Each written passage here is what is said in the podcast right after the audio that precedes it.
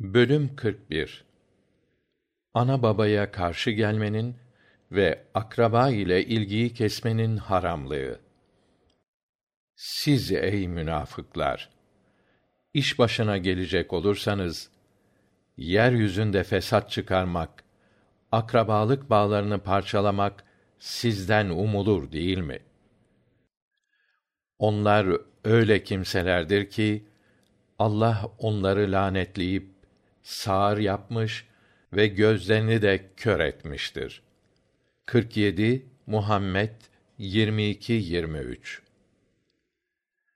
Fakat yaratılışlarının gereği olan doğal bir anlaşmaya dayanır olmalarına rağmen Allah'la olan bağlantılarını bozup Allah'ın sıkı tutulmalarını emrettiği bağları kesen Allah'ın sıkı tutunmalarını emrettiği bağları kesen ve yeryüzünde bozgunculuk çıkaran kimselere gelince işte Allah'ın laneti böylelerinedir.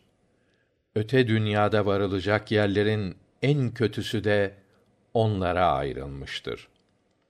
13 Rahat 25 Çünkü Rabbin kendisinden başkasına kulluk etmemenizi ve anaya babaya iyilik etmenizi buyurmuştur. Eğer onlardan biri yahut her ikisi senin yanında ihtiyarlık çağına ererse onlara öf bile deme.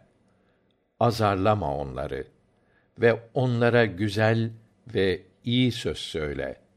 İkisine karşı da merhamet kanatlarını indir. Mütevazi ol ve Rabbim de.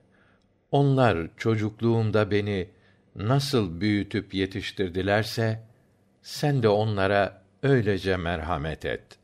17 İsra 23 24. Hadis 338. Ebu Bekre Nüfey İbni Haris'ten Allah ondan razı olsun rivayet edildiğine göre Rasulullah sallallahu aleyhi ve sellem büyük günahların en büyüğünü size haber vereyim mi? diye üç defa sordu. Biz de evet ya rasulallah dedik. Rasulullah sallallahu aleyhi vsellem de allah'a şirk koşmak ana babaya karşı gelip itaatsizlik etmek buyurduktan sonra yaslandığı yerden doğrulup oturdu ve dikkat edin. Yalan söylemek ve yalan yere şahitlik yapmak buyurdu. Bu sözü o kadar tekrar etti durdu ki biz keşke sussaydı diye arzu ettik. Hadis 339 abdullah ibni amr ibnil as'tan allah onlardan razı olsun bildirildiğine göre peygamberimiz sallallahu aleyhi vsellem şöyle buyurmuştur. Büyük günahlar şunlardır. Allah'a ortak koşmak ana babaya itaatsizlik etmek haksız yere adam öldürmek ve yalan yere yemin etmektir. Hadis 340 yine abdullah ibni amr ibni as'tan allah ondan razı olsun allah onlardan razı olsun.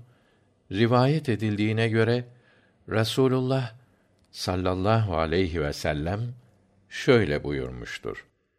Bir kimsenin kendi ana babasına sövmesi büyük günahlardandır. Asap ya rasulallah insan hiç kendi ana babasına söver mi?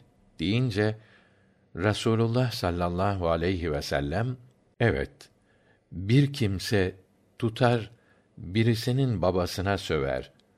O da onun babasına söver. O kişi başkasının anasına söverse o da onun anasına söver. Buhari'nin değişik bir rivayetinde rasulullah sallallahu aleyhi vsellem insanın kendi ana babasına lanet etmesi büyük günahlardandır buyurdu. Ashab ya rasulallah bir insan kendi ana babasına nasıl lanet eder deyince birinin babasına söver, o da onun babasına söver.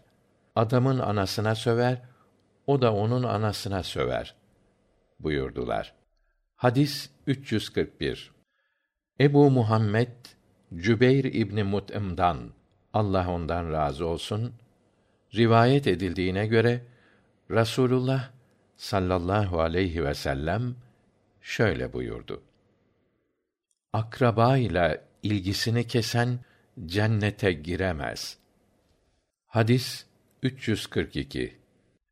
Ebu İsa Mugire İbni Şube'den Allah ondan razı olsun rivayet edildiğine göre Rasulullah sallallahu aleyhi ve sellem şöyle buyurdu.